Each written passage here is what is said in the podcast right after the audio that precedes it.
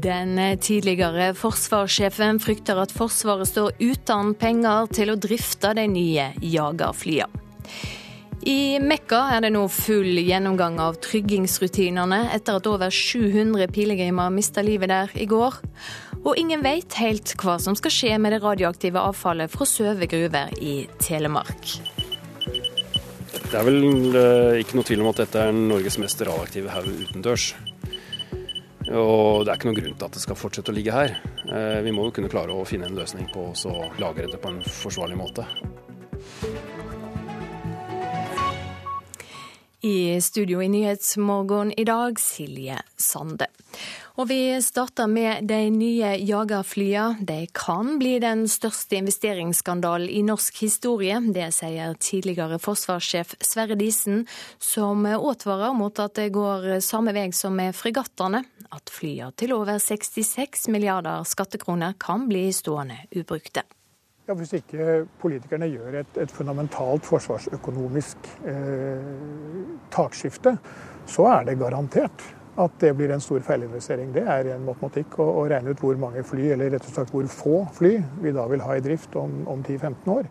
Tidligere forsvarssjef Sverre Disen mener vi er i ferd med å nå et punkt der vi ikke lenger har et fungerende forsvar, og at vi bruker enorme summer på å kjøpe forsvarsmateriell vi ikke har råd til å drifte slik som de fem fregattene til over 20 milliarder kroner som kom på midten av 2000-tallet. I dag, ti år senere, eh, så er det av de fem fregattene kun én eller to eh, som i beste fall er tilgjengelige.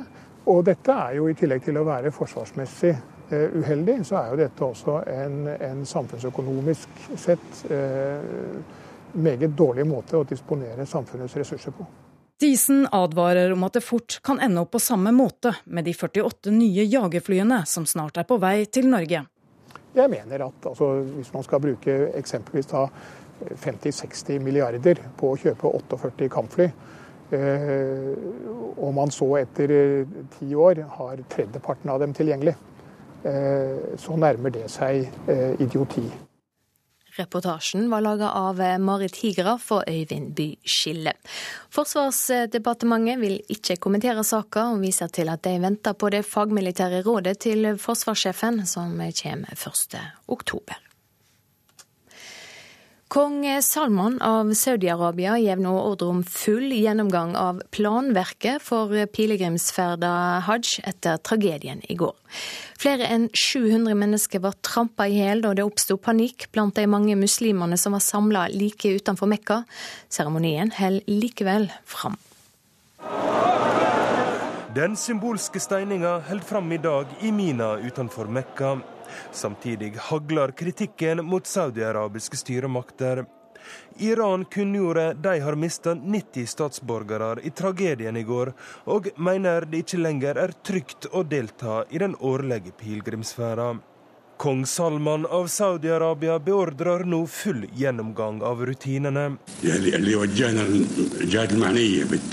Vi har bedt om ei rask etterforsking, og vi vil kreve svar, slik at det er trygt å utføre ritualer. Hajj har vært skåna for alvorlige ulykker siden 2006. Da omkom over 300 mennesker. Siden den gang har styremaktene satt i verk omfattende tiltak. Til dømes har en investert i å bedre infrastrukturen. En har utvida kapasiteten på bruene, som går inn til de tre veggene som blir steina.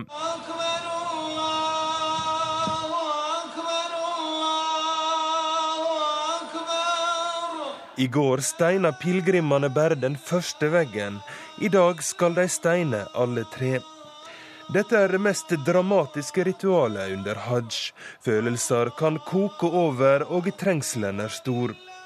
Ulykka i går var den verste på 25 år, og skjedde ikke under steininga, men i den enorme hvitfarga teltleiren like ved.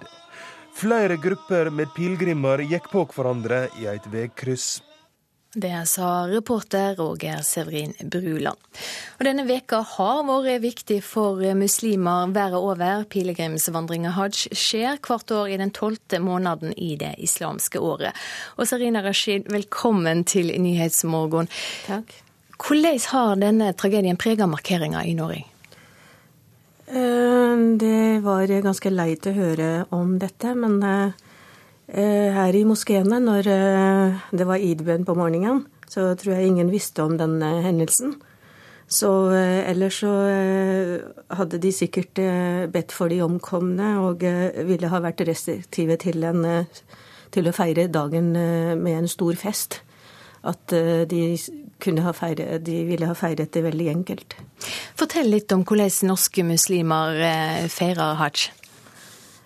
Eh, ja, du tenkte på den Ikke selve hajjen, men selve feiringen av dagen. Mm. Det kan sammenlignes med den norske jul. Vi har to sånne store feiringer i året.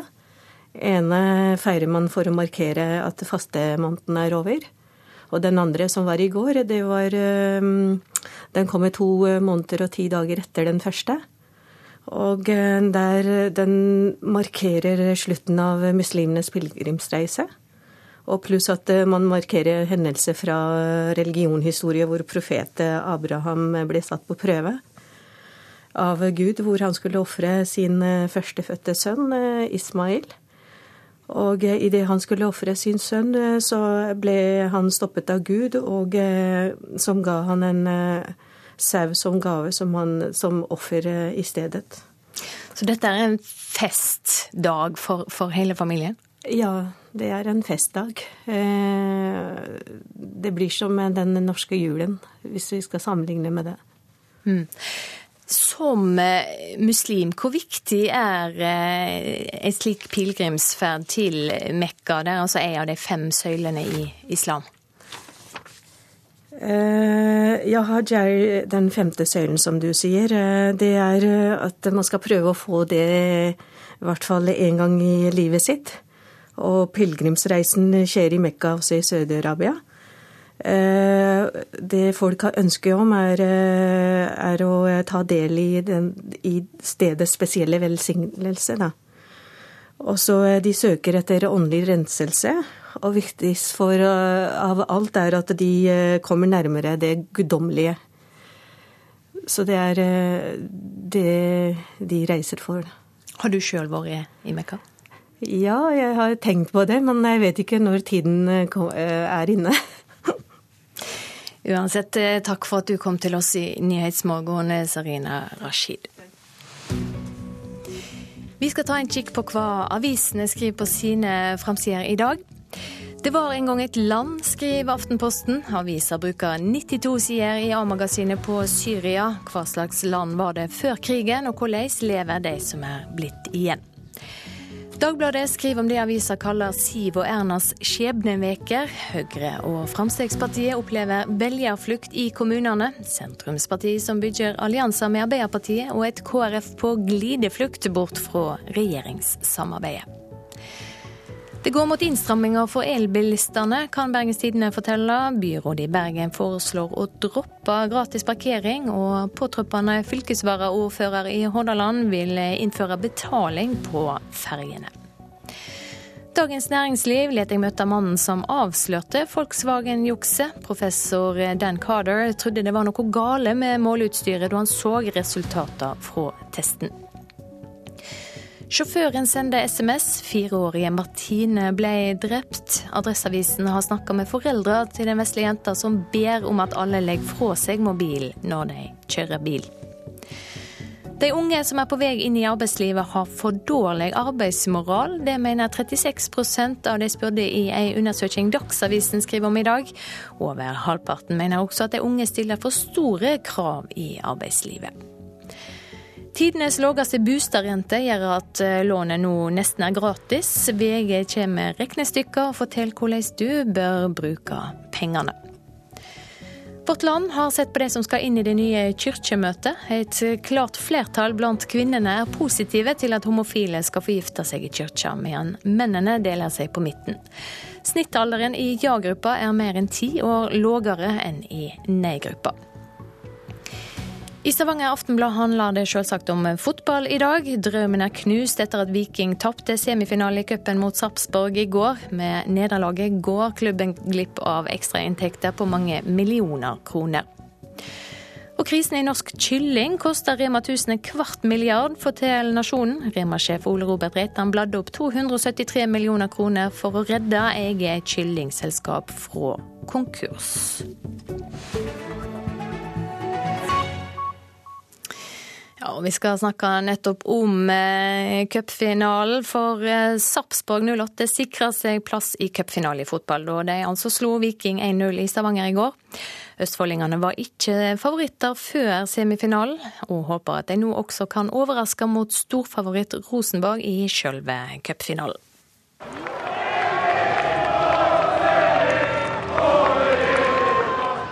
Det er vidunderlig, og det er godt for eh, oss som er her nå. Og det er godt for Sarpsborg by og alle Olavs menn og kvinner som skal farge hele Oslo blå. Trener Geir Bakke er i jubelrus etter at Sarpsborg 08 for første gang er klar for cupfinalen. Det kan han bl.a. takke to dansker for. Den ene, keeper Lasse Heinse, var en levende vegg i regnværet i Stavanger. Ja, det, er, det er mye, mye deilig. Det er fantastisk. Det var, en, øh, det var en krig. Denne kampen var en krig hele veien igjennom, og det er deilig å stå her og, og skal spille finale her i slutningen slutten av november. Og helt framme har Sarpsborg en annen danske som har sørga for cupfeber i Østfold. Patrick Mortensen ble matchvinner igjen, og nå gleder han seg til å møte et annet lag med flere dansker på Ullevål, Rosenborg. Jamen, det er jo fantastisk, så jeg gleder meg utrolig mye til å møte øh, Det blir litt av et danskerbrag i Norge. Det gleder jeg meg til. Dere var underdog her i Stavanger. Det betyr at eh, dere kan gjøre det, selv om eh, dere ikke er favoritter. Det går fint i cupfinalen òg, dette. Ja, hvorfor skulle vi ikke gjøre det? Koppen er noe helt annet enn en serien, og alt kan lade gjøre der. Vi kan gå inn og vinne her i Stavanger. Det beviser jo litt at, at vi fortjener noe respekt. Så det blir overhodet ikke en walkover for, for Rosenborg.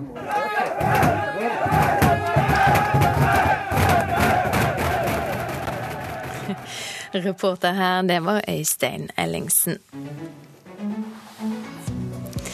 Ja, du hører på Nyhetsmorgen i NRK P2 og Alltid nyheter. Klokka er 6.45. Dette er hovedsaker hos oss i dag. Kritikken mot styresmaktene i Saudi-Arabia vokser etter at minst 717 pilegamer ble trampa i hjel like utenfor Mekka.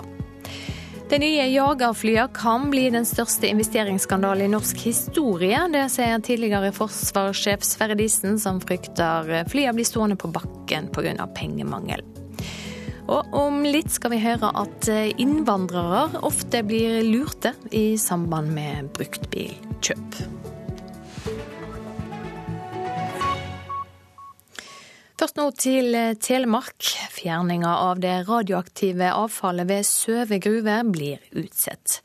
Regjeringa ville plassere avfallet på Langøya i Vestfold, men eh, fikk nei. Nå vet ingen hva som skal gjøres med avfallet.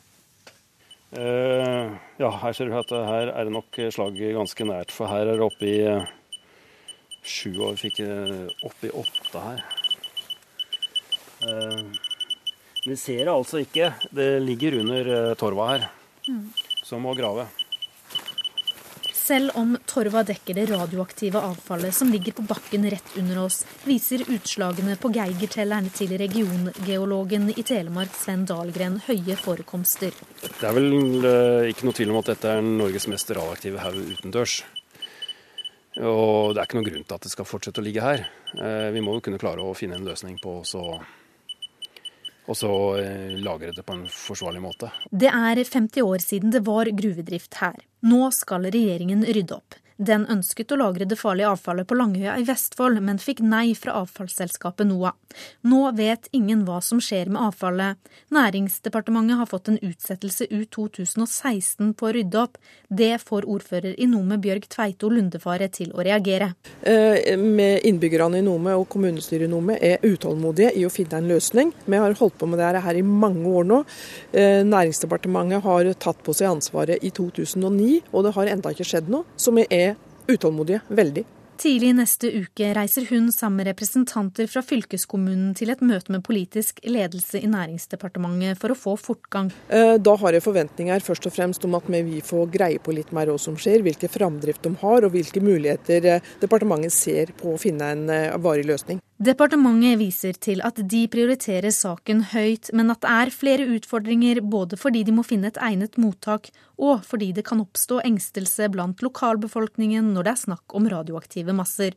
Tilbake i Nome i Telemark holder studierektor Atle Rød ved den videregående skolen som ligger like ved elevene unna området pga. strålingsfare. Altså, vi, vi ønsker ikke å utsette verken ansatte eller elever for noe som helst risiko.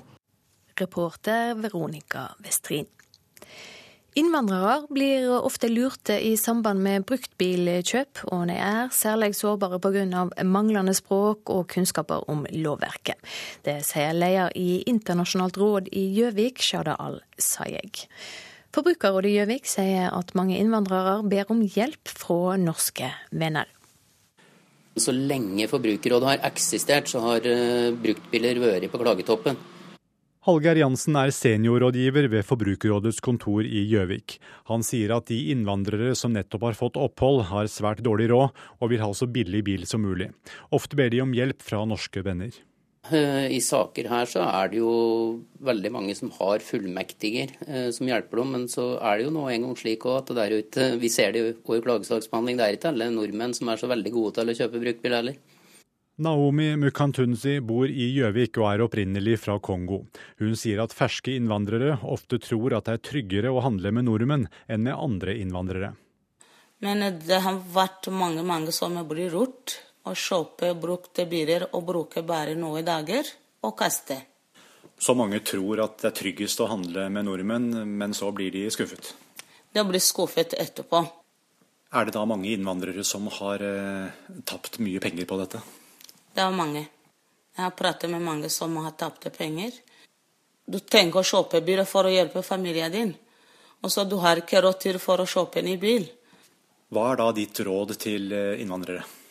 Jeg tenkte innvandrere som, som jeg er ikke god i norsk, eller som kan ikke mye lenger, så vi måtte bruke vi forbrukets råd hvis du skal kjøpe noe brukte biler. Eller du kan finne noe norsk som du stoler på, og sjekke før du kjøper. Forbrukerrådet sier at det kan bli aktuelt å hjelpe til med bruktbilinformasjon under norskopplæringen for innvandrere.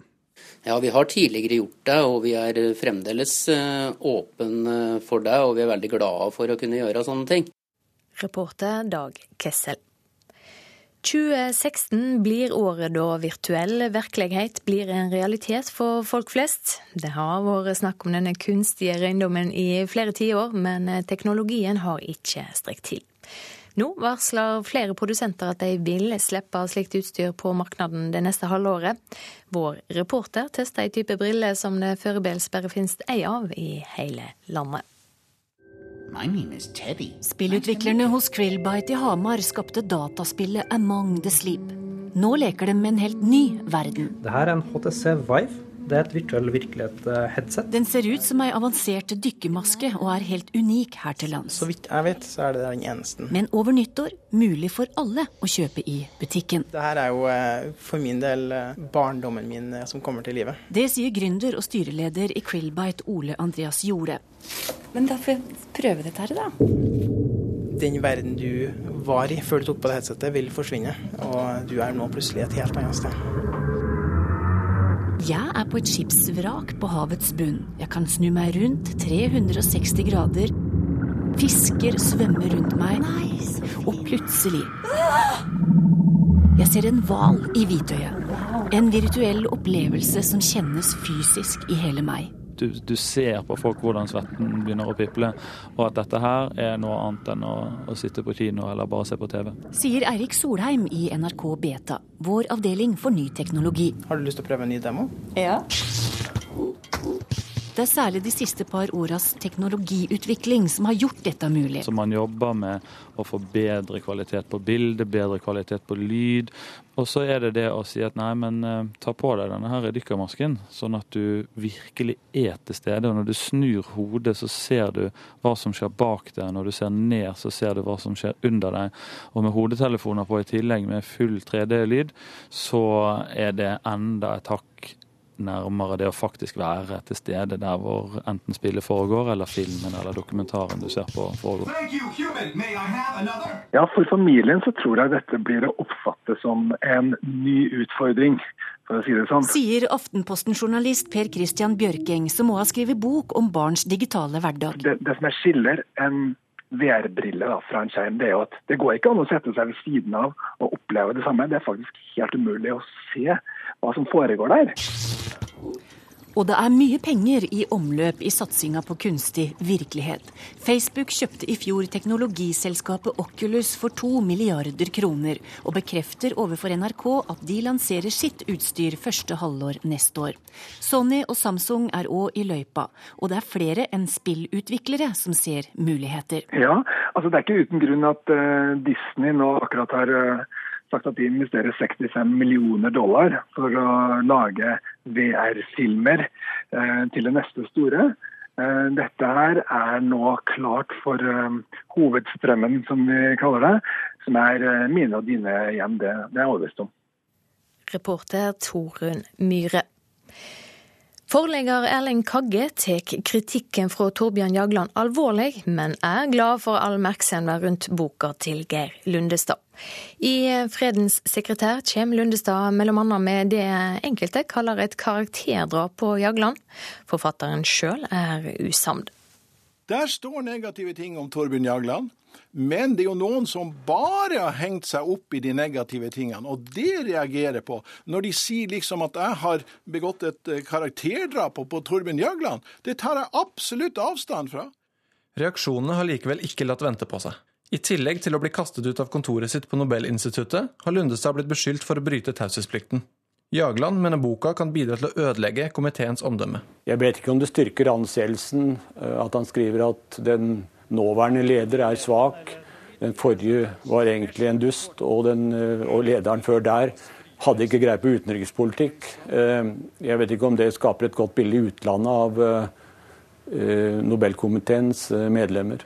Jagland sier også at han har blitt påvirket av Lundestad sine påstander om han.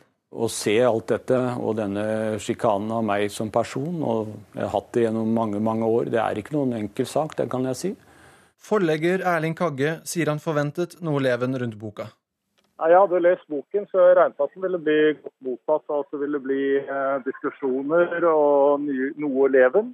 Men eh, dette har overgått eh, forlagets forventninger, helt klart. Hvordan forholder du deg til de reaksjonene som har kommet? Ja, vi må jo ta det på alvor, selvfølgelig. Når f.eks.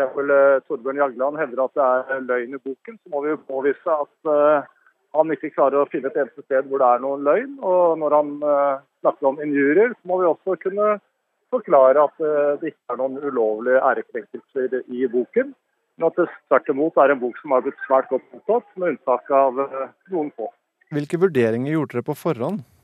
Vi leste selvfølgelig manus. og og jobbet med, jobbet med, hver eneste setning gjennom hele boken. Og også vurderte da de forskjellige problemstillingene, både selvfølgelig de juridiske, men også de etiske og medmenneskelige. Så dere er sikre på at dere har deres på det tørre? Ja, så lang, lenge man kan være, langt man kan være sikker på noe som helst, så er vi helt sikre på at eh, vi har vårt eh, på det tørre. Ja, helt klart. Forlegger Erling Kagge til reporter Magnus Lutnes Aas. Så skal vi ha et værvarsel som gjelder fram til midnatt. Fjellet i Sør-Norge sørvestlig bris, i kveld dreiende vestlig. Regnbyger, snøbyger over 1200-1500 meter. Østlandet og Telemark sørlig bris, på kysten sørvestlig liten kuling. Enkelte regnbyger, perioder med sol. Først på dagen utrygt for torvær nær kysten. Agder sørvestlig bris, på kysten periodevis liten kuling. I kveld dreiende vestlig. Regnbyger, i kveld stort sett opphold og lettere skydekke øst for Kristiansand. Først på dagen utrygt for torevær nær kysten. Rogaland sørvestlig periodevis liten kuling utsatte steder. I ettermiddag dreiende nordvest. Regnbyger og utrygt for torevær. Hordaland og Sogn og Fjordane Sør-vest periodevis liten kuling utsatte steder. I ettermiddag minking til vestlig frisk bris. Regnbyger, og også der er utrygt for torevær. Møre og Romsdal får sørvest periodevis liten kuling på kysten. Litt regn, fra i formiddag regnbyger og utrygt for torevær. Trøndelag øker til vestlig periodevis liten kuling utsatte steder. Regn i ettermiddag overgang til regnbyger. Helgeland, Saltfjellet og Salten sørøstlig frisk bris utsatte steder. I ettermiddag dreying til sørvestlig liten kuling først i sør. Lokal morgenskodde. Først på dagen delvis skyet opphold, etter hvert regn fra sør. Ofoten, Lofoten og Vesterålen sørøstlig frisk bris utsatte steder, delvis skyet opphold. I kveld skiftende bris, regn. Troms sørøstlig bris, på kysten periodevis nordøstlig bris. Lokal morgenskodde, opphold og perioder med sol. I kveld tilskyende, i indre strøk litt regn. Finnmark bris omkring sør. På vidda og i Varanger kan det bli litt regn eller stort sett opphold og perioder med sol. Nordensjøland på Spitsbergen får østlig bris, opphold og etter hvert finere vær. Så har vi temperaturlista. De var målt klokka fem. Svalbard lufthavn 1, Kirkenes 5, Vardø 7, Alta 9, Tromsø-Langnes 4, Bodø 13, Brønnøysund 14, Trondheim-Værnes 13, Bodø-Molde og Bergen-Flesland hadde 9, Stavanger 10, Kristiansand, Kjevik og Gardermoen hadde 8. Lillehammer 9, Røros 7 og Oslo-Blindern 9 grader. Og videre Videre er det venta uendra eller litt lågere temperaturer.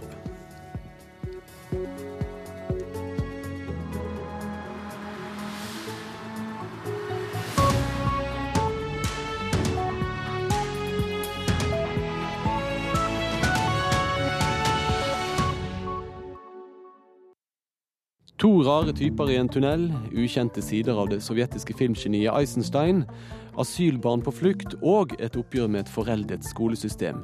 Dette er noe av det bergenserne får se når 170 filmer gjøres klar for visning under Bergens internasjonale filmfestival. Dette og mye mer får du i vår direktesending i Kulturhuset i dag klokken 13.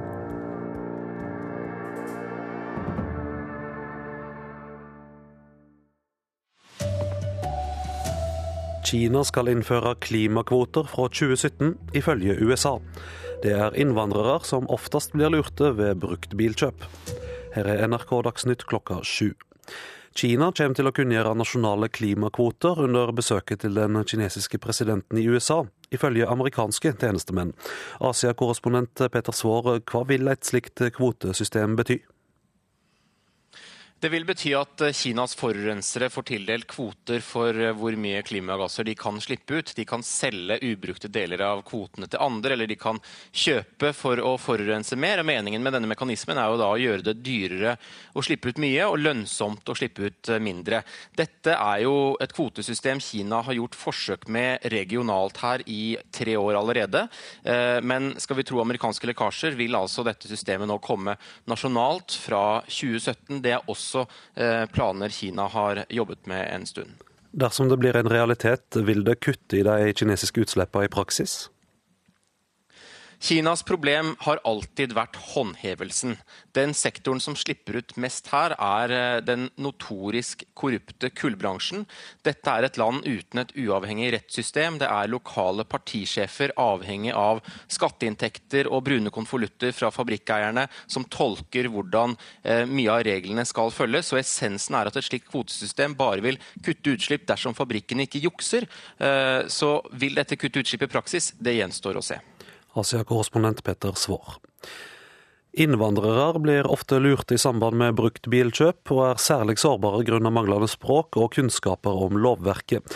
Det sier leder i Internasjonalt råd i Gjøvik, Shada Al-Sayeg. Forbrukerrådet i Gjøvik sier at mange innvandrere ber om hjelp fra norske venner. I saker her så er det jo veldig mange som har fullmektiger eh, som hjelper dem, men så er det jo nå en gang slik at det der ute, vi ser det jo i klagesaksbehandling, det er ikke alle nordmenn som er så veldig gode til å kjøpe bruktbil heller. Naomi Mukantunzi bor i Gjøvik og er opprinnelig fra Kongo. Hun sier at ferske innvandrere ofte tror at det er tryggere å handle med nordmenn enn med andre innvandrere. Men det har vært mange, mange som blir lurt å kjøpe brukte biler og bruke bare noen dager og kaste. Så mange tror at det er tryggest å handle med nordmenn, men så blir de skuffet? De blir skuffet etterpå. Er det da mange innvandrere som har eh, tapt mye penger på dette? Det er mange. Reporter Dag Kessel.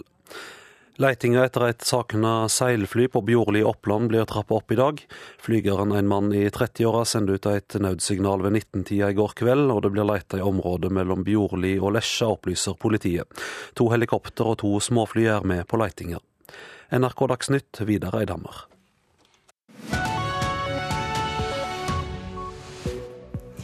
Og her i Nyhetsmorgen skal vi straks høre at mange ikke er klar over hvor viktig det er å sjekke føflekkene sine.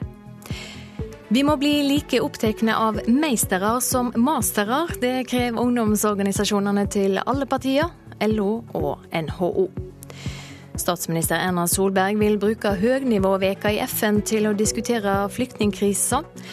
Og så har vi en eh, gladnyhet for unge som er glad i å være på skjerm. Dataspill og programmering kan nemlig bli et nytt fag i skolen.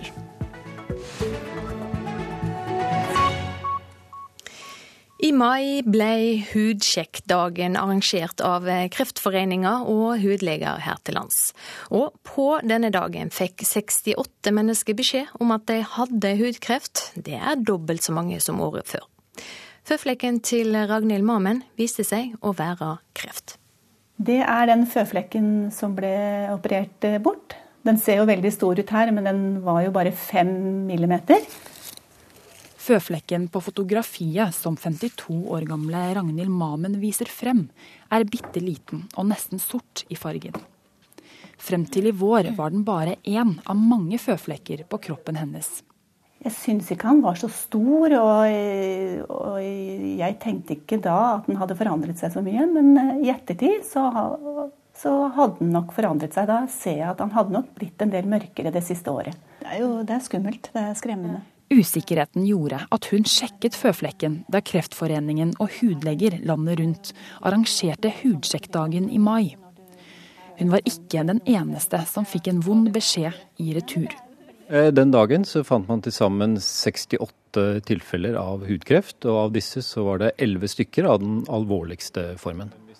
Sier Ole Alexander Oppdalshei, som er assisterende generalsekretær i Kreftforeningen. Dobbelt så mange som året før fikk påvist ulike typer hudkreft denne dagen. Føflekkreft kan gi de mest fatale følgene dersom den ikke blir oppdaget. Eh, det er en alvorlig kreftform hvor det var 377 som døde i 2013. Og dette er en kreftform som egentlig kan unngås hvis vi greier å forebygge eller oppdage kreften på et tidlig fase. Ja, altså Det er en føflekk som er uregelmessig avgrenset, hvis man ser det her. I tillegg har den flere fargesjatteringer og svarte partier. Sier hudlege Dorte Koss Harnes. Det er mye man kan følge med på selv. Ja, Det er som jeg sa, uregelmessige føflekker som endrer seg i løpet av kort tid. Helt nye føflekker som plutselig vokser, man aldri har sett. Føflekker som ser helt annerledes ut enn alle andre man har. Og det er disse uregelmessige flere farger i samme føflekk, uregelmessig avgrenset. Etter en rask operasjon endte det likevel godt for Ragnhild Mamen. Eh, da fikk jeg et uh, veldig tydelig brev fra Rikshospitalet etterpå, hvor det sto at alt var fjernet, og de hadde ikke funnet noe Eh, kreftceller i det vevet som var fjernet. Så det var en ny bekreftelse på at eh, ting var i orden. Så det var veldig godt. Reportere her Mari Reisjå og Oda Marie Midbø. Velkommen til oss, hudlege doktor Dørte Kåss Harnes. Eh, vi hørte deg i sak, og du, du, jobber både privat og offentlig. Først, hvor flinke er vi i Norge til å sjekke føflekkene våre? Ja, Vi har nok blitt flinkere til å sjekke føflekkene, særlig de yngre mennesker. Ser vi møter opp til eh, tilbudene. Eh, men eh, det er nok mange eldre som kanskje ikke er så bevisst på det, og som har vært mye i solen og har behov for å sjekke mer regelmessig. Ja, Hvor ofte bør vi sjekke? Altså De som har mange og særlig uregelmessige store føflekker, bør nok sjekke seg en gang i måneden for å se om det er eh, endringer som har eh, skjedd, eh, fargeforandringer eller føflekker som vokser fort. Og kanskje få hjelp av en hudlege i hvert fall en gang i året til det. De som levde og sola seg på 70-80-tallet, var ikke like merksomme på å bruke høy faktor som, som, vi nok er i dag. Er det grunn til at de eldste skal være mer merksomme enn yngre? Altså, Føflekkreft kan oppstå hos unge mennesker også, men det er også noe med totalmengden av sol vi har fått på oss å gjøre. og Derfor er det så veldig viktig at de som har fått veldig mye sol på seg tidligere, eh, må være oppmerksomme. Og så er det de som har hatt solforbrenning, som statistisk sett også har høyere risiko. Ser du forskjeller i befolkninga på hvor flinke en er til å sjekke seg? Eh, ja, som jeg sa, så har jeg inntrykk at når det er eh, offentlige tilbud og, gratis undersøkelse, så er det spesielt kanskje yngre mennesker som møter opp, som er mer bevisste og følger med. Eh, mens si, middelaldrende eldre menn kanskje ikke er så bevisste, og de kan jo ha uoppdagede føflekker på ryggen som de ikke har lagt merke til. Norge har ikke masseundersøkelser eller screening av føflekker. Burde vi hatt det, i og med at eh, landet ligger høyt oppe når det gjelder føflekkreft? Jeg syns nok at det har vært et bra tiltak, og ikke minst kanskje at alle får eh, informasjon om hva man skal følge med. En slags opplæring hos hudlege én gang, og så kan jo da kanskje hudlegene være med å bestemme om det er en av dem som trenger å gå en gang i året, eller om de ikke har noen ting som man er bekymret for. Hva da med føflekker på ryggen og bak beinet og slikt som en ikke ser sjøl? Ja, det, det, er jo selvfølgelig vanskelig. Det er viktig å prøve å se, og, og kanskje be noen andre å ta en titt. Eventuelt ta et bilde av det, eller be de ta bilder og så se på det av og til. Så det er nok viktig å følge med der også. Mm. Ble du overraska over at eh, så mange fikk påvist hudkreft på denne ene dagen i år?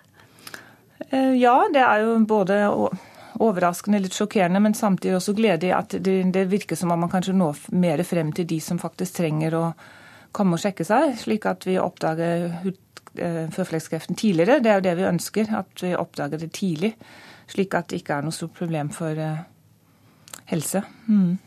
Takk skal du ha for at du kom i studio, doktor Dørte Kåss Harnes.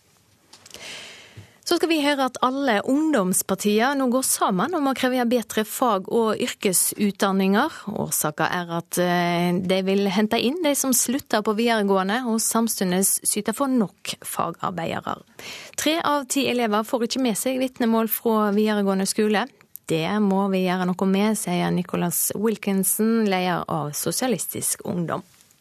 Det er eh, 30 000 yrkesfagselever som søker læreplass hvert år. Nesten 10 000 nektes læreplass. Dette er folk på våre venner, vår generasjon, som ikke får seg en framtid. Det må vi gjøre noe med. Sammen med alle de andre politiske ungdomsorganisasjonene krever han et lærlingetilskudd lik det en skoleplass koster, og mer fleksibel videregående opplæring helt til ungdommene er 25 år gamle. Dessuten trengs det en kraftig opprusting av utstyrsparkene på fagutdanningene. Det sier Rød ungdomleder Linn Elise Øhn Mælen. Det har vært snakka om altfor altfor lenge uten at det har blitt gjort eh, særlig mye for å bedre de faktiske forholdene. Da er jeg glad for at man går sammen, høyre til venstre, de voksne, både LO og NHO, i et kjempeløft for norsk fagopplæring. Fordi hvis vi skal ha de beste arbeidstakerne om 10, 15 eller 20 år, så trenger vi å begynne i dag. Tre av ti elever klarer ikke å fullføre og bestå videregående skole fem år etter at de startet. For å få flere til å ta videregående, må opplæringen bli mer individuell, for mange elever møter en teorivegg som burde vært fleksibel. Det sier annen nestformann i Fremskrittspartiets Ungdom, Petter Melsom. Ja, Det betyr jo at det blir mer ansvar for den enkelte. Men eh, vi har jo i dag en modell hvor veldig mange dropper ut. Nettopp fordi at de velger feil eller kommer inn i et eh, skoleløp som de ikke hadde tenkt seg. Og Da tror jeg at eh, mer valgfrihet, også innenfor løpene, ville gi mer motivasjon. Partienes ungdomsorganisasjoner har ikke tallfestet hva kravene koster, men smørbrødlisten med krav til moderpartiene vil bety å bruke mange milliarder kroner i årene fremover. Likevel, vi har ikke råd til noe annet enn å satse på ungdommen nå. Det sier Emil Erstad, leder i Kristelig Folkepartis Ungdom. Vi har ikke råd til å være, er disse ungdommene her som skal få hjulene til å gå rundt i Norge om 50 år. Og da må vi eh, prioritere disse tiltakene. I LO og i NHO heier de voksne på de åtte partiungdomslagene.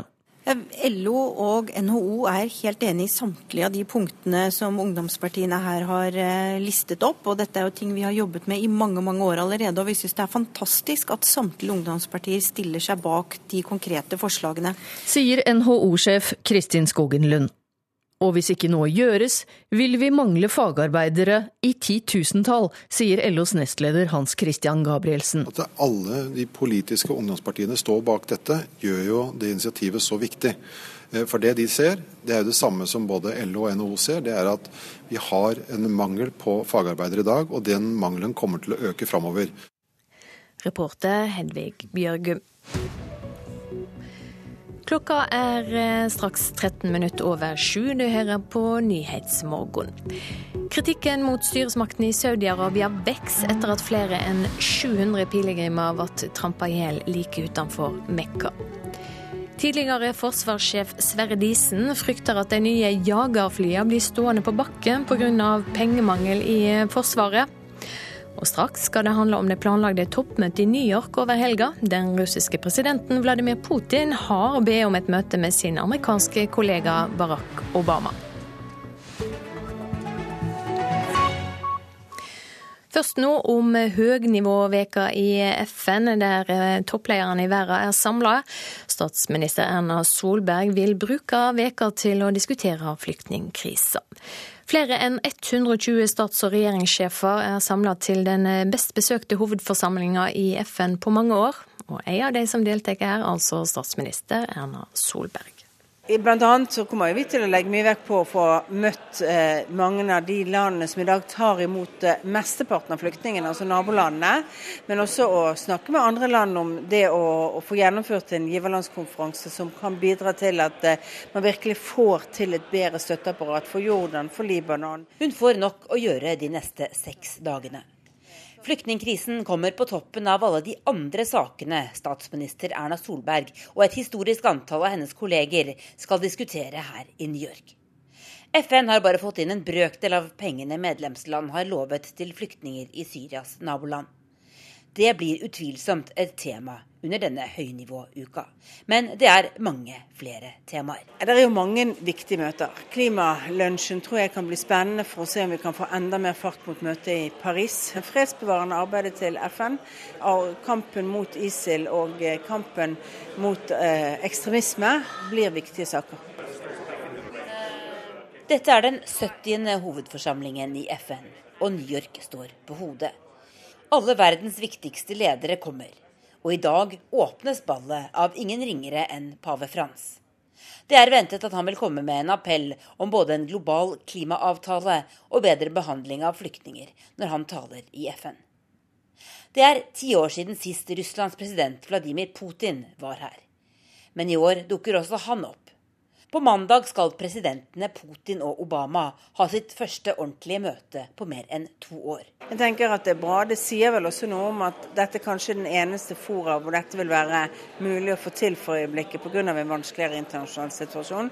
Men da er det jo bra at vi både har eh, Putin og Kinas president og stor deltakelse. Det gjør FN mer aktuelt enn det har vært på veldig mange år.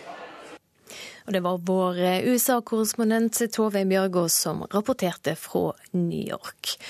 Og som vi hørte, Den russiske presidenten Vladimir Putin skal altså møte sin amerikanske kollega Barack Obama i New York på mandag. Og det er Putin som har bedt om møte ifølge den amerikanske presidentadministrasjonen. Med nå Moskva-korrespondent Morten Jentoft.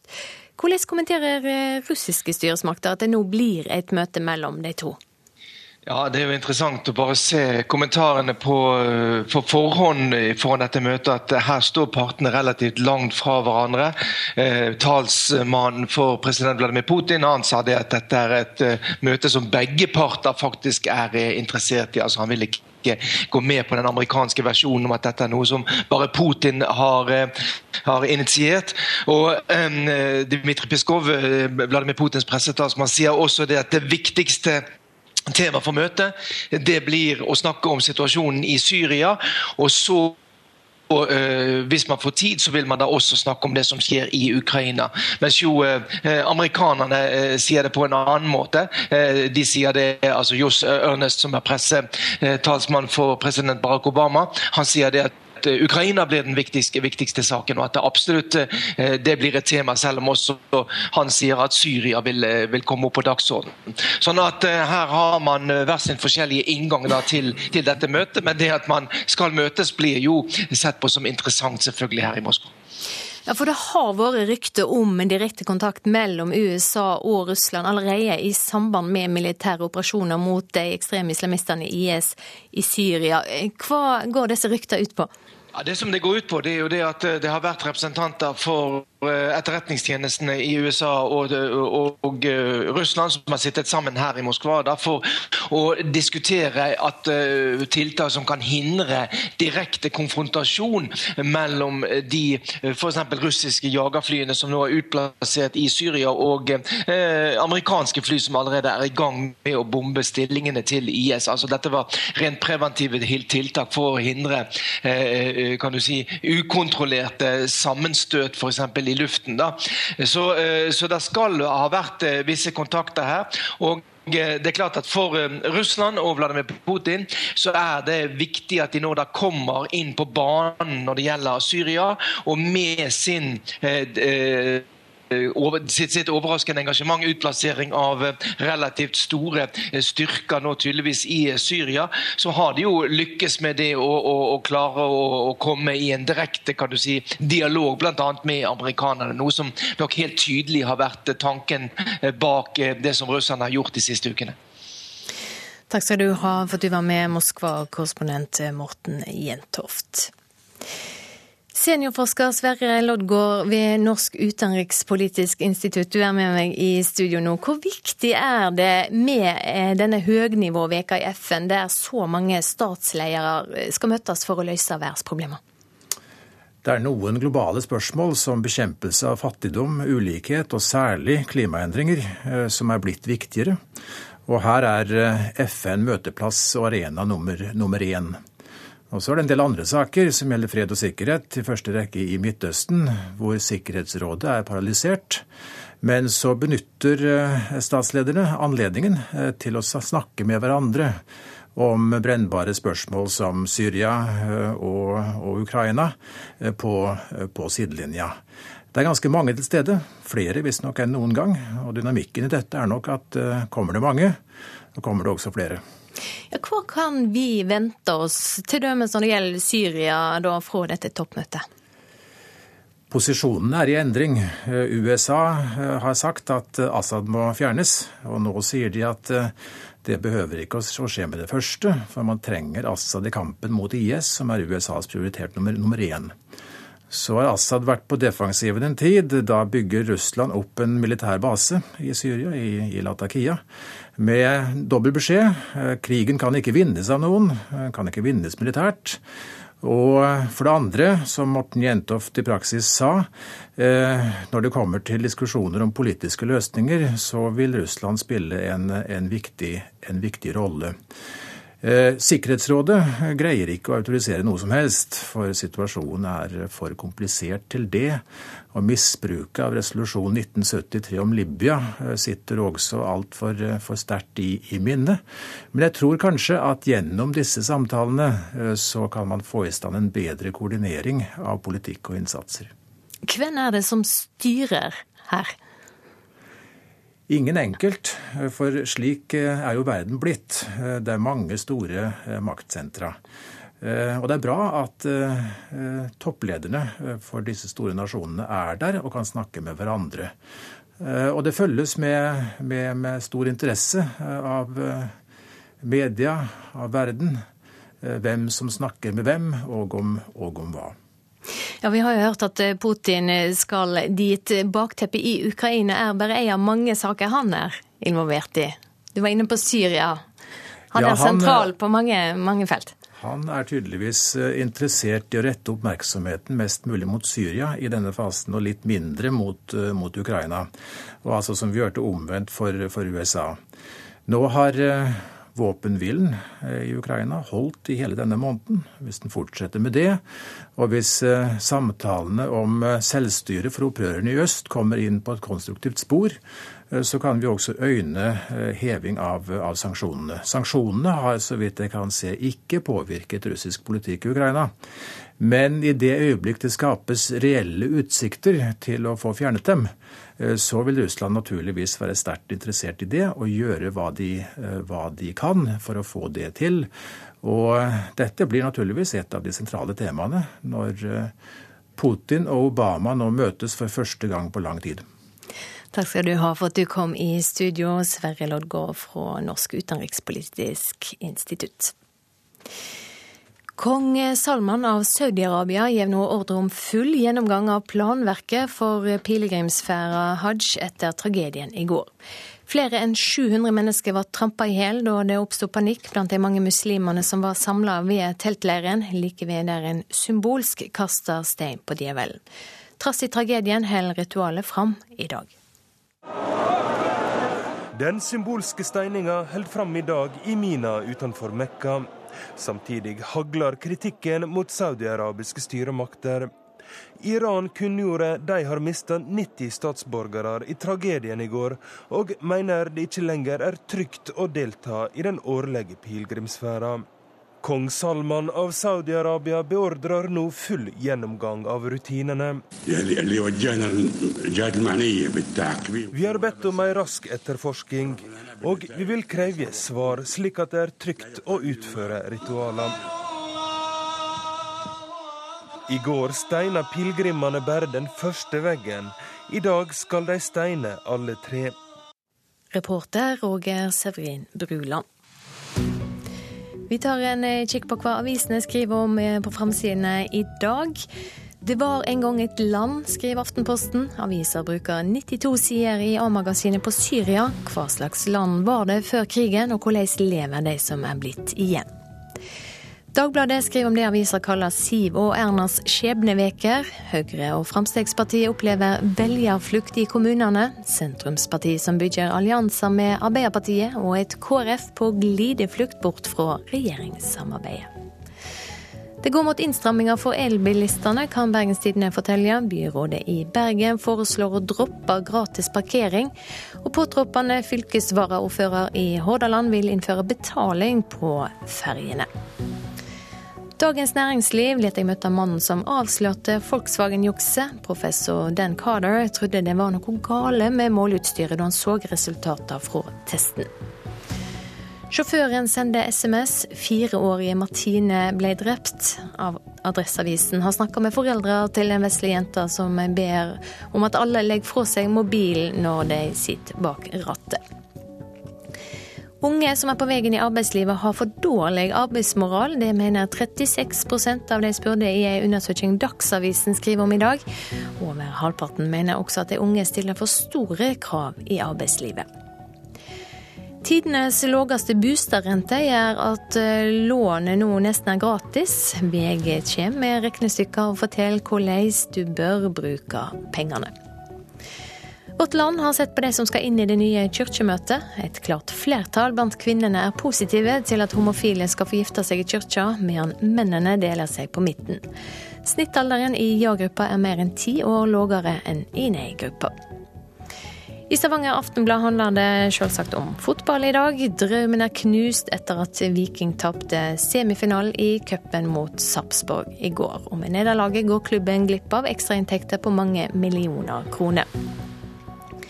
Krisen i norsk kylling koster Rema 1000 en kvart milliard, forteller Nasjonen. Rema-sjef Ole Robert Reitan bladde opp 273 millioner kroner for å redde eget kyllingselskap fra konkurs.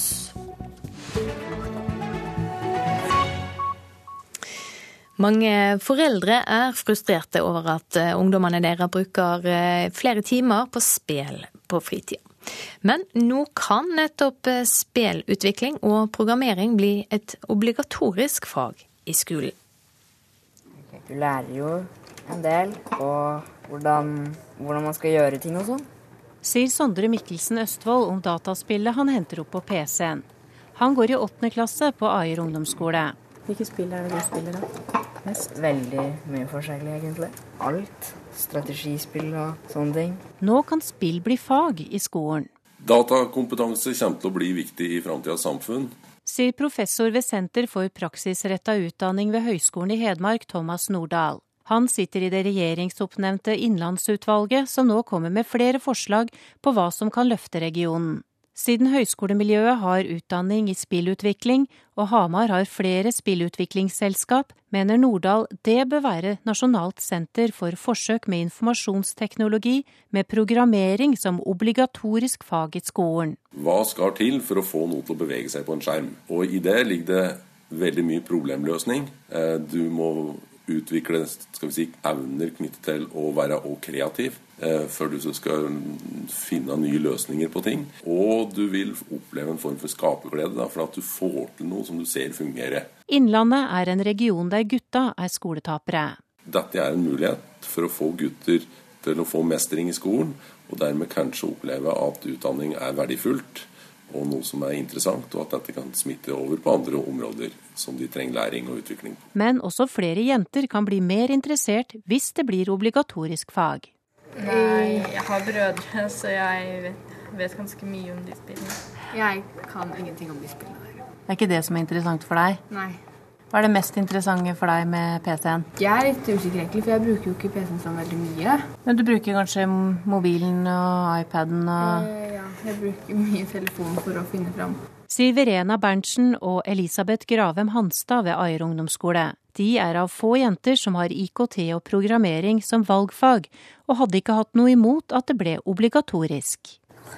PC-en er så treige. Men det er ikke bare PC-parken som kan bli en utfordring.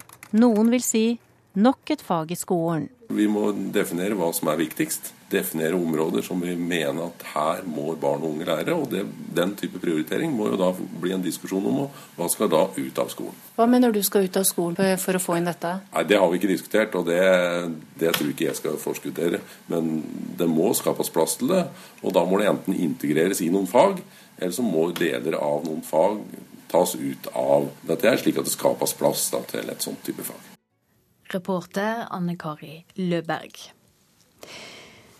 I reportasjen etter Dagsnytt så kan du høre at den katolske kirka i USA har tatt imot pave Frans med å åpne armer denne veka. Produsent for Nyhetsmorgen, Eli Bjelland. I studio, Silje Sande. I nesten hvert eneste intervju i løpet av disse ti årene så kommer det samme spørsmålet til Vebjørn Selbekk. Ville du gjort det igjen? Ville du trykket Mohammed-karikaturen en gang til? Hvordan er det å få det samme spørsmålet igjen og igjen og igjen og igjen? Og igjen? Salongen 17 18 på NRK P2.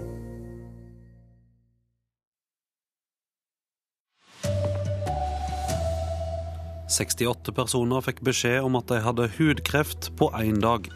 Seremonien i Mekka holder fram trass 717 døde pilegrimer. Regjeringa veit ikke hva de skal gjøre av radioaktivt avfall i Telemark. Her er NRK Dagsnytt klokka 7.30. 68 personer fikk beskjed om at de hadde hudkreft på én dag i år. Det skjedde da Kreftforeninga og hudleger arrangerte hudsjekkdagen i mai. Nordmenn er i verdstoppen når det gjelder denne krefttypen. Ragnhild Mamen var en av de som fikk sjokkmeldinga. Det er den føflekken som ble operert bort. Den ser jo veldig stor ut her, men den var jo bare fem millimeter. Føflekken på fotografiet som 52 år gamle Ragnhild Mamen viser frem, er bitte liten og nesten sort i fargen. Jeg tenkte ikke da at den hadde forandret seg så mye, men eh, i ettertid så, så hadde den nok forandret seg. Da ser jeg at han hadde nok blitt en del mørkere det siste året. Usikkerheten gjorde at hun sjekket føflekken da Kreftforeningen og hudleger landet rundt arrangerte hudsjekkdagen i mai. Hun var ikke den eneste som fikk en vond beskjed i retur. Eh, den dagen så fant man til sammen 68 tilfeller av hudkreft, og av disse så var det 11 stykker av den alvorligste formen. Sier Ole Alexander Oppdalshei, som er assisterende generalsekretær i Kreftforeningen. Norge er i verdenstoppen når det gjelder hudkreft, og den dødeligste formen gjemmer seg i føflekkene. Eh, det er en alvorlig kreftform hvor det var 377 som døde i 2013. Og dette er en kreftform som egentlig kan unngås hvis vi greier å forebygge eller oppdage kreften på et tidlig fase. Det er jo det er skummelt. Det er skremmende. Det endte godt for Ragnhild Mamund Men det var tilfeldig at hun sjekket seg. Ja, jeg tror ikke jeg hadde sjekket føflekken. hvis ikke jeg hadde lest den annonsen i medlemsbladet til Kreftforeningen. Reportere Mari Reisjå og Oda Marie Midbø. Og Hudlege Dørte Kåss Harnes sier folk bør sjekke føflekkene sine ofte. Altså De som har mange og særlig uregelmessige store føflekker, bør nok sjekke seg en gang i måneden for å se om det er eh, endringer som har eh, skjedd, eh, fargeforandringer eller føflekker som vokser fort. Og kanskje få hjelp av en hudlege i hvert fall en gang i året til det. Kong Salman av Saudi-Arabia gir nå ordre om full gjennomgang av planverket for pilegrimsferda hajj etter tragedien i går. Flere enn 700 mennesker ble trampa i hæl da det oppsto panikk blant de mange muslimene som var samla like utenfor Mekka. Seremonien holder likevel fram. Den symbolske steininga holder fram i dag i Mina utenfor Mekka. Samtidig hagler kritikken mot saudiarabiske styremakter. Kong Salman av Saudi-Arabia beordrer nå full gjennomgang av rutinene. Vi har bedt om ei rask etterforsking, og vi vil kreve svar, slik at det er trygt å utføre ritualer. Hajj har vært skåna for alvorlige ulykker siden 2006. Da omkom over 300 mennesker. Siden den gang har styremaktene satt i verk omfattende tiltak. Til dømes har en investert i å bedre infrastrukturen. En har utvida kapasiteten på bruene, som går inn til de tre veggene som blir steina.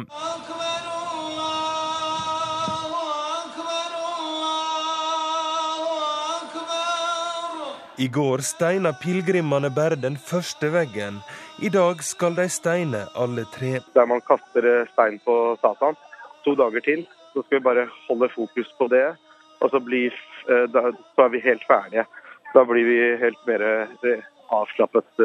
Ulykka i går var den verste på 25 år, og skjedde ikke under steininga, men i den enorme hvitfarga teltleiren like ved. Flere grupper med pilegrimer gikk på hverandre i et veikryss. Reporter Roger Severin Bruland. Vi hørte også den norske pilegrimen Osman Rias. Fjerninga av det radioaktive avfallet ved Søve gruver i Telemark blir utsatt. Regjeringa ville plassere det farlige avfallet på Langøya i Vestfold, men fikk nei. Nå veit ingen hva som blir gjort. Uh, ja, her ser du at her er det nok slaget ganske nært, for her er det oppe i sju år, fikk opp i åtte her. Selv om torva dekker det radioaktive avfallet som ligger på bakken rett under oss, viser utslagene på Geigertelleren til regiongeologen i Telemark Sven Dahlgren høye forekomster. Det er vel uh, ikke noe tvil om at dette er Norges mest radioaktive haug utendørs. Det er 50 år siden det var gruvedrift her. Nå skal regjeringen rydde opp. Den ønsket å lagre det farlige avfallet på Langøya i Vestfold, men fikk nei fra avfallsselskapet NOAH. Nå vet ingen hva som skjer med avfallet. Næringsdepartementet har fått en utsettelse ut 2016 på å rydde opp. Det får ordfører i Nome Bjørg Tveito Lundefare til å reagere. Eh, med innbyggerne i Nome og kommunestyret i Nome er utålmodige i å finne en løsning. Vi har holdt på med dette her i mange år nå. Næringsdepartementet viser til at de prioriterer saken høyt, men at det er flere utfordringer med å finne et egnet mottak. Tilbake i Nome i Telemark holder studierektor Atle Rød ved den videregående skolen i nærheten elevene unna området med det farlige avfallet pga. strålingsfare. Altså, vi, vi ønsker ikke å utsette verken ansatte eller elever for noe som helst risiko. Reporter Veronica Westrin. Leitinga etter et savna seilfly ved Bjorli i Oppland blir trappa opp i dag. Flygeren, en mann i 30-åra, sendte ut et nødsignal ved 19-tida i går kveld. Det blir leita i området mellom Bjorli og Lesja, sier operasjonsleder i Gudbrandsdal politidistrikt Per Solberg. Det var i området Digervarden i Lordalen der flyet ble plotta sist, og rett før da denne Mayday-nødmeldinga ble sendt ut. Hvordan er leteforholdene i området nå i dag? Nå forventer vi et uh, mye bedre vær og opphold og uh, et godt flyvær og et uh, da, vær som gjør det egna å søke med helikopter og fly. Reporter Stein S. Eide, og det er altså to helikopter og to småfly som også er med på leitinga. Politiet utvider søket etter en polsk mann som er savna i Notodden i Telemark. 31-åringen kom til staden på ferie sammen med en kamerat før lørdag, og han har vært savna i over ett døgn. Kina kommer til å kunngjøre nasjonale klimakvoter under besøket til den kinesiske presidenten i USA. Det hevder amerikanske tjenestemenn. Asia-korrespondent Peter Svaar forteller hva et slikt kvotesystem vil bety. Det vil bety at eh, Kinas forurensere får tildelt kvoter for eh, hvor mye klimagasser de kan slippe ut. De kan selge ubrukte deler av kvotene til andre, eller de kan kjøpe for å forurense mer. Meningen med denne mekanismen er jo da å gjøre det dyrere å slippe ut mye og lønnsomt å slippe ut eh, mindre. 2016 blir året da virtuell røyndom blir en realitet for folk flest. I flere, flere tiår har det vært snakk om såkalt virtual reality, men teknologien har til nå ikke vært god nok. Nå varsler flere produsenter, en av de eid av Facebook, at de vil slippe utstyr på markedet neste halvår. NRK reiste til Hamar for å teste ei brille som det foreløpig bare finnes én av i hele landet. Spillutviklerne hos Krillbite i Hamar skapte dataspillet Among the Sleep. Nå leker de med en helt ny verden. Dette er en HTC Vive. Det er et virtuell virkelighet-headset. Den ser ut som ei avansert dykkermaske og er helt unik her til lands. Så vidt jeg vet, så er det den eneste. Men over nyttår mulig for alle å kjøpe i butikken. Dette er jo eh, for min del eh, barndommen min eh, som kommer til live. Det sier gründer og styreleder i Krillbite Ole Andreas Jorde. Men da får jeg prøve dette her, da? Den verden du var i før du tok på det headsetet, vil forsvinne. Og du er nå plutselig et helt annet sted. Jeg er på et skipsvrak på havets bunn. Jeg kan snu meg rundt 360 grader. Fisker svømmer rundt meg.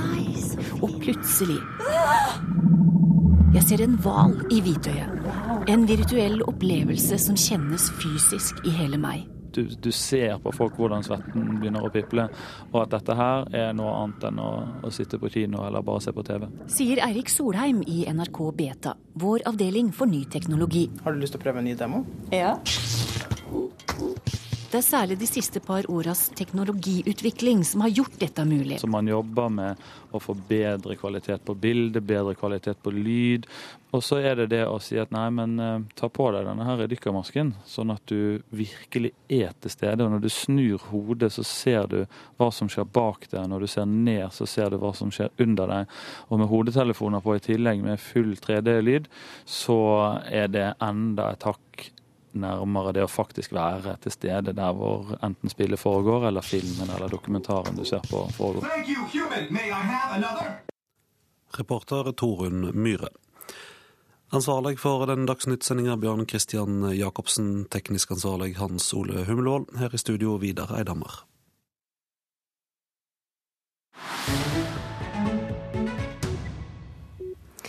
Her i Nyhetsmorgen skal vi til USA. Det katolske USA har tatt imot pave Frans med åpne armer denne veka. Den folkelige stilen hans appellerer til amerikanske katolikker som ikke alltid har latt seg styre av Vatikanet. Til og med nonnene sin organisasjon er skylda for å fremme radikale feministiske synspunkt. Det er omtrent like stille på nonneklosteret St. Clair i Pennsylvania som en skulle tro. De katolske søstrene finansierer driften ved å lage nattverdsoblater. Well, first we mix the batter, and it's just flour and water. Um, um, Søster Ann Barton forklarer til nyhetsbyrået Ap hvordan røren av bare mel og vann blandes, og så stekes på noe som ligner et stort firkantet vaffeljern. Før en stansemaskin former de flate, runde kjeksene. It's also a very special work because it's, it's making the breads that will become the body of Christ once they're consecrated by the priest. De siste ukene har tempoet på oblatbakeriet økt betraktelig.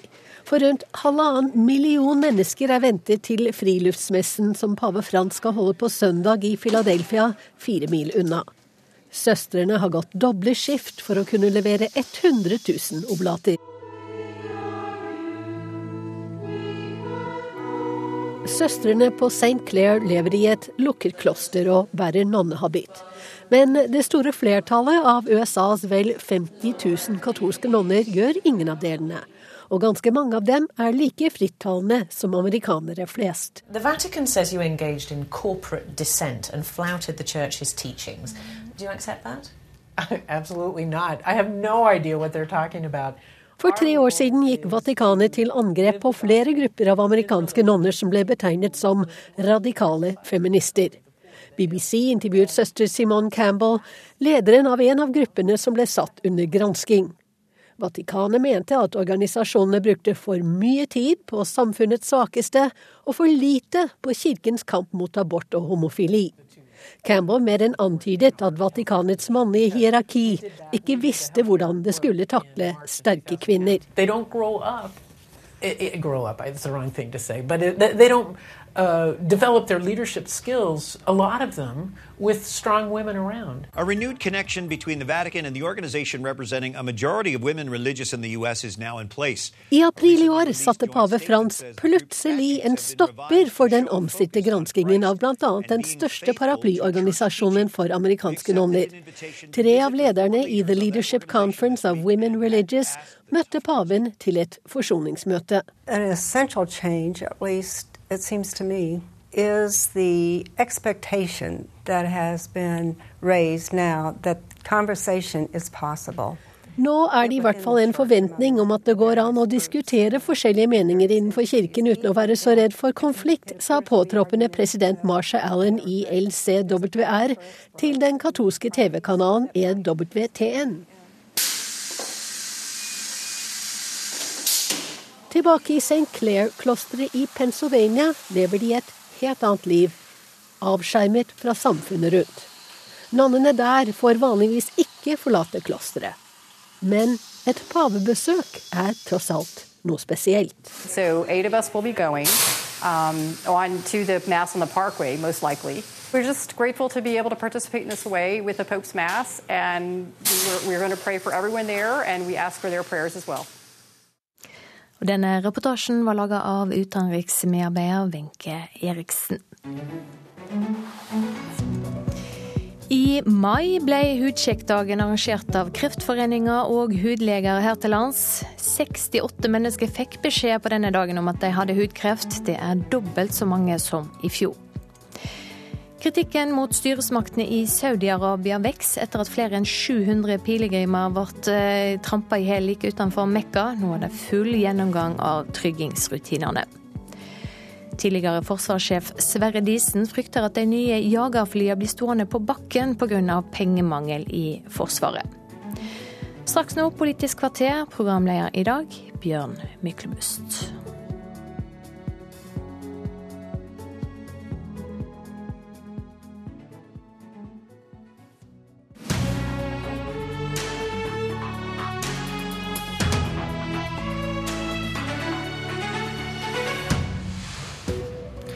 Kristelig Folkeparti provoserer borgerlige venner. Det ser ut som KrF bruker kampen mot søndagsåpne butikker som en brekkstang for å komme seg ut av samarbeidet, sier min ene gjest fra sentrumskamerat Venstre. Min andre gjest er Dagrun Eriksen. Sitter hun snart fast i SV-fella? Dagrun Eriksen, nestleder i KrF, velkommen til Politisk kvarter. Takk skal du ha. Som vi fortalte i Dagsrevyen i går, når vi ringer dine samarbeidspartnere høyt oppe i Venstre, Høyre og KrF og Frp, da møter vi oppgitthet og sinne over hvordan dere opptrer om dagen. Ja, jeg hører, eh, jeg hører, dere sier det. Eh, vi får nok ikke de tilbakemeldingene sånn direkte. Kanskje fordi dere snakker til, til de gjennom avisene? eller? Nei, det har nok vært spesielt knytta til søndagsåpne butikker. Jeg tror ikke det er en sånn generell frustrasjon på alt. Eh, og det er klart, Jeg forstår at det er stor frustrasjon i eh, Høyre, Frp og eh, Venstre på den saken. Men jeg tror dette forsøket på å la det være KrF som er syndebukken og stille i tvil vårt engasjement og motiver for å kjempe for den saken, da tror jeg de foregner seg litt. Dette er ikke en sak som KrF har funnet på å stå litt alene i et sært hjørne om. Dette er en sak som ikke er skrekkelig populær ute hos det norske folk. Eh, og jeg syns nok ikke det er bra at de nå prøver å stille våre motiver i, i tvil på dette. Vi kan vise til en lang rekke eh, utfordringer. Allerede fra når regjeringserklæringene kom, så ga vi tydelig beskjed. 8.10, dagen etter regjeringserklæringen, var Hareide ute og lovte kamp om søndagsåpne butikker. Men, så dette er ikke sa- noe som har eskalert nå, men han har, han har blitt mye mer tydelig nå fordi at nå ligger det et faktisk høringsutkast.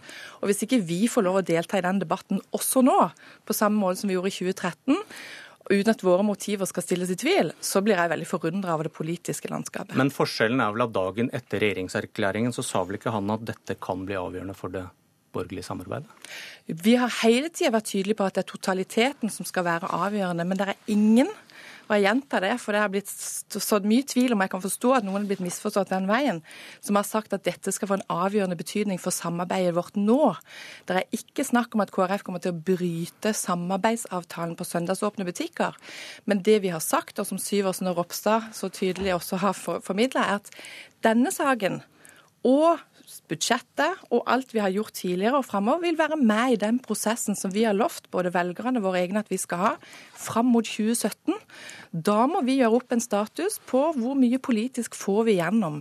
Og da har vår melding vært tydelig til våre venner i de andre partiene.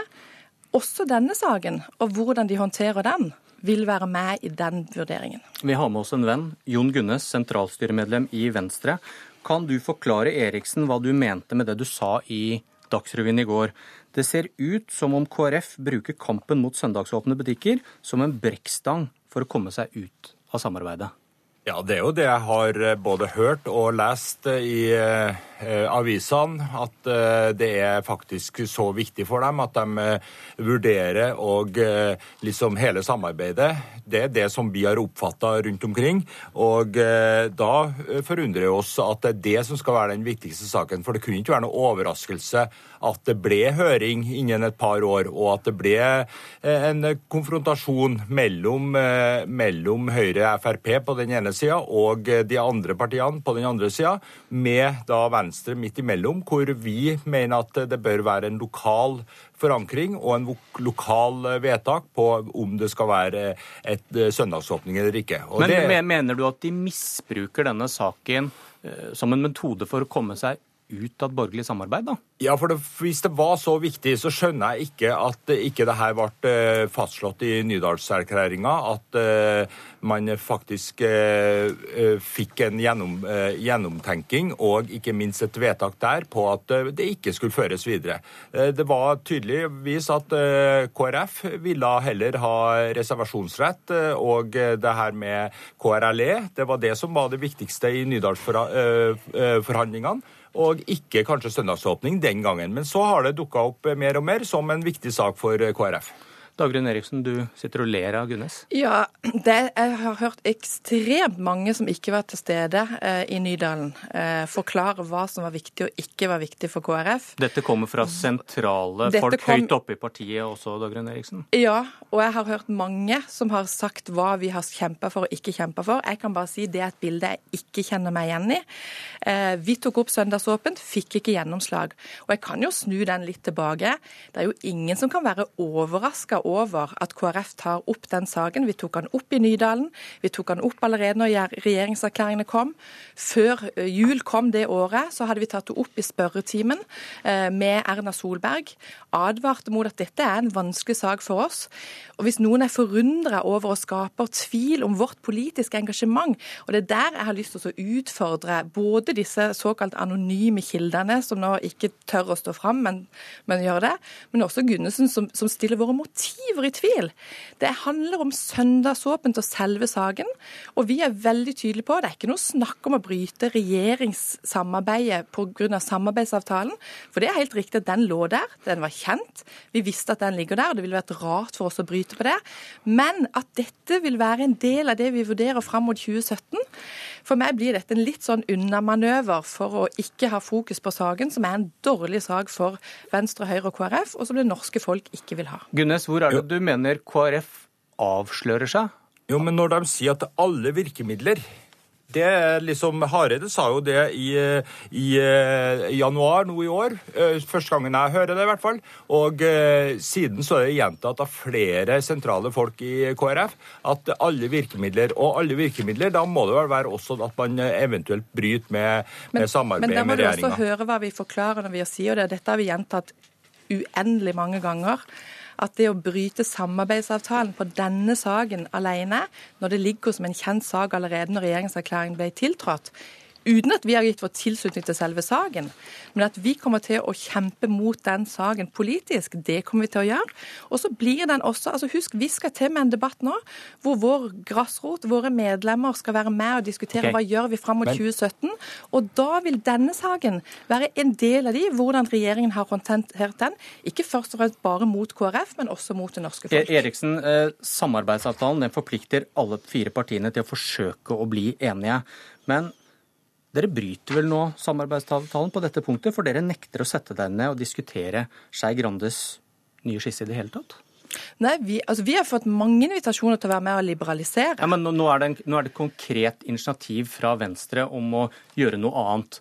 Men har dere sagt ja til å Vi sette, har- dere ned og prøve å bli enige? Ja, vi prøvde det seriøst når vi holdt på med arbeidsmiljøloven. Nei, men nå er det, kommet kom, ja, det kom et ja. nytt initiativ fra Skei Ja. Grande i valgkampen. Men vi er ikke forplikta på saker som vi står fra hverandre og finner enighet hvis invitasjonen handler om å være med på en liberalisering.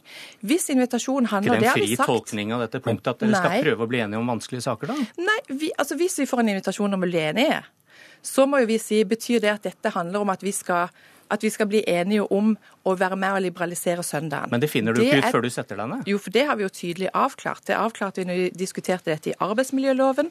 Da prøvde vi virkelig å finne en løsning. Men så lenge vi bare blir tilbudt en forhandling om en liberalisering, så har vi sagt høflig nei takk. De har søkt oss først. Og vi har prøvd å finne ut av om de vil gå for å, å holde søndagen sånn som den er i dag. Okay, men- det har de sagt nei til, Gunnes- og det Ja. har vi oppfylt. Og hvis noen mener men- at vi bryter okay. samarbeidsavtalen på det, så får de komme til oss og si det. Det mener jeg blir ekstremt søkt. Jon Gunnes, i dag har KrF landsstyremøte. Nå får vi høre hva Hareide har å si om saken. Har du en Ja. siste, opp, siste oppfordring til ham fra, ja, fordi fra en at venn? eh, Se til Trondheim, se til oss lokalpolitikere. Det her klarer vi å håndtere veldig godt i Trondheim. Vi hadde et valg.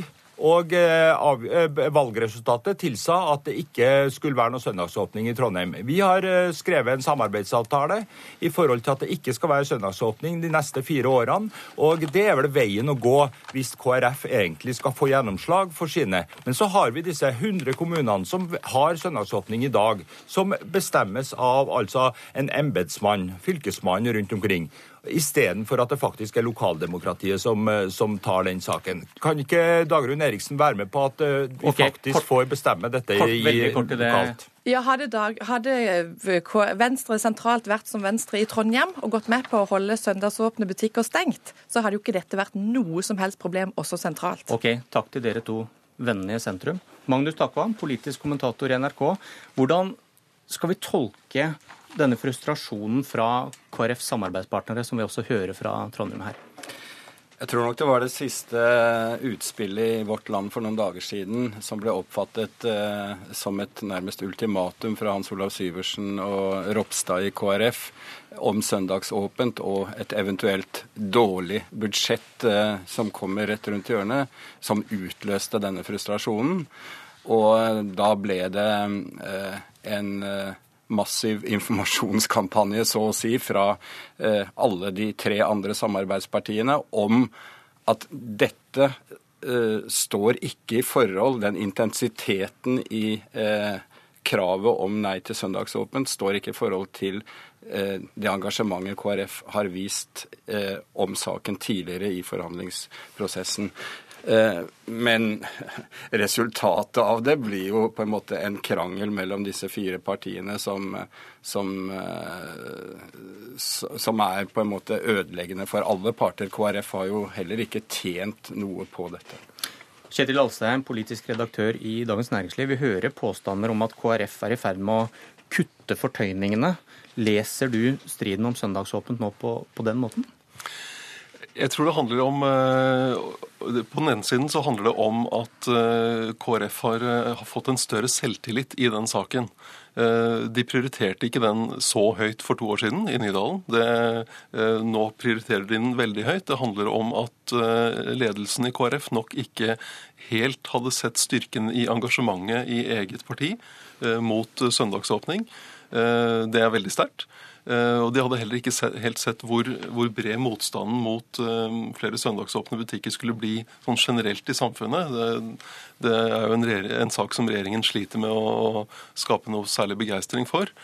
Eh, så det har gitt dem mer selvtillit. Og så det, kan det se ut som om, om villdagen er blitt stadig helligere jo vanskeligere samarbeidet på borgerlig side er blitt, og at det er blitt en veldig eh, fin symbolsak for KrF for å markere seg eh, i, i det samarbeidet som de er inne i. Så skal vi snart i gang med budsjettforhandlinger, og Venstre og KrF skulle jo stå sammen i tunge dragkamper med en blå regjering. og hvordan påvirkes dette av en så betent sak som nå så tydelig splitter de to sentrumspartiene?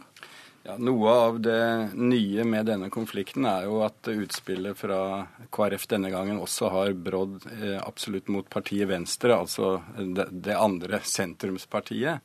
Og det gjør jo situasjonen eh, enda vanskeligere. Jeg tror fremdeles ja, absolutt det er slik at i budsjettforhandlingene så vil disse to partiene bli på en måte tvunget til å opptre sammen og finne Eh, løsninger med Høyre eh, og Frp. Eh, men det er en ny dimensjon, nettopp dette at KrF og Venstre også seg imellom drar i ulike retninger. Noen mener at Miljøpartiet De Grønne er en melon. De er grønne, men røde inni. Kanskje noen mener at KrF er en blodappelsin. Gule, men røde. Er det det vi ser nå? At de hører ikke hjemme i den borgerlige flokken, som noen hevder? Jeg tror vi ser det at Kristelig Folkeparti har litt problem med det å, å takle ansvar når, når, det er upopulære saker som de må svare for, sånn som det at de er i samarbeidet med, med, med regjeringen om budsjettene og skattekutt og bl.a. kutt i formuesskatten. Det syns mange i KrF er vanskelig. Og, og vi så det samme eh, under Bondevik II-regjeringen at det var veldig vanskelig for KrF-ere å forsvare upopulære valg som de måtte være med på. Og Det, det er noe av det problemet for, for Kristelig Folkeparti nå. De er inne i et samarbeid, men de dyrker problemene. Eh, dels som forhandlingstaktisk for å, for å eh, kunne presse mest mulig ut av eh, de tre andre partiene, men litt, for det, litt pga. Av sin natur. Men det gjør jo at de gjennomslagene som Knut Arild Hareide faktisk mener at han får, blir veldig lite synlige. Men i arbeidsliv, skatt, liberaliseringer som vi snakker om her, og jordbruk f.eks., Takvam, det går an å argumentere for at KrF skiller seg fra de tre andre?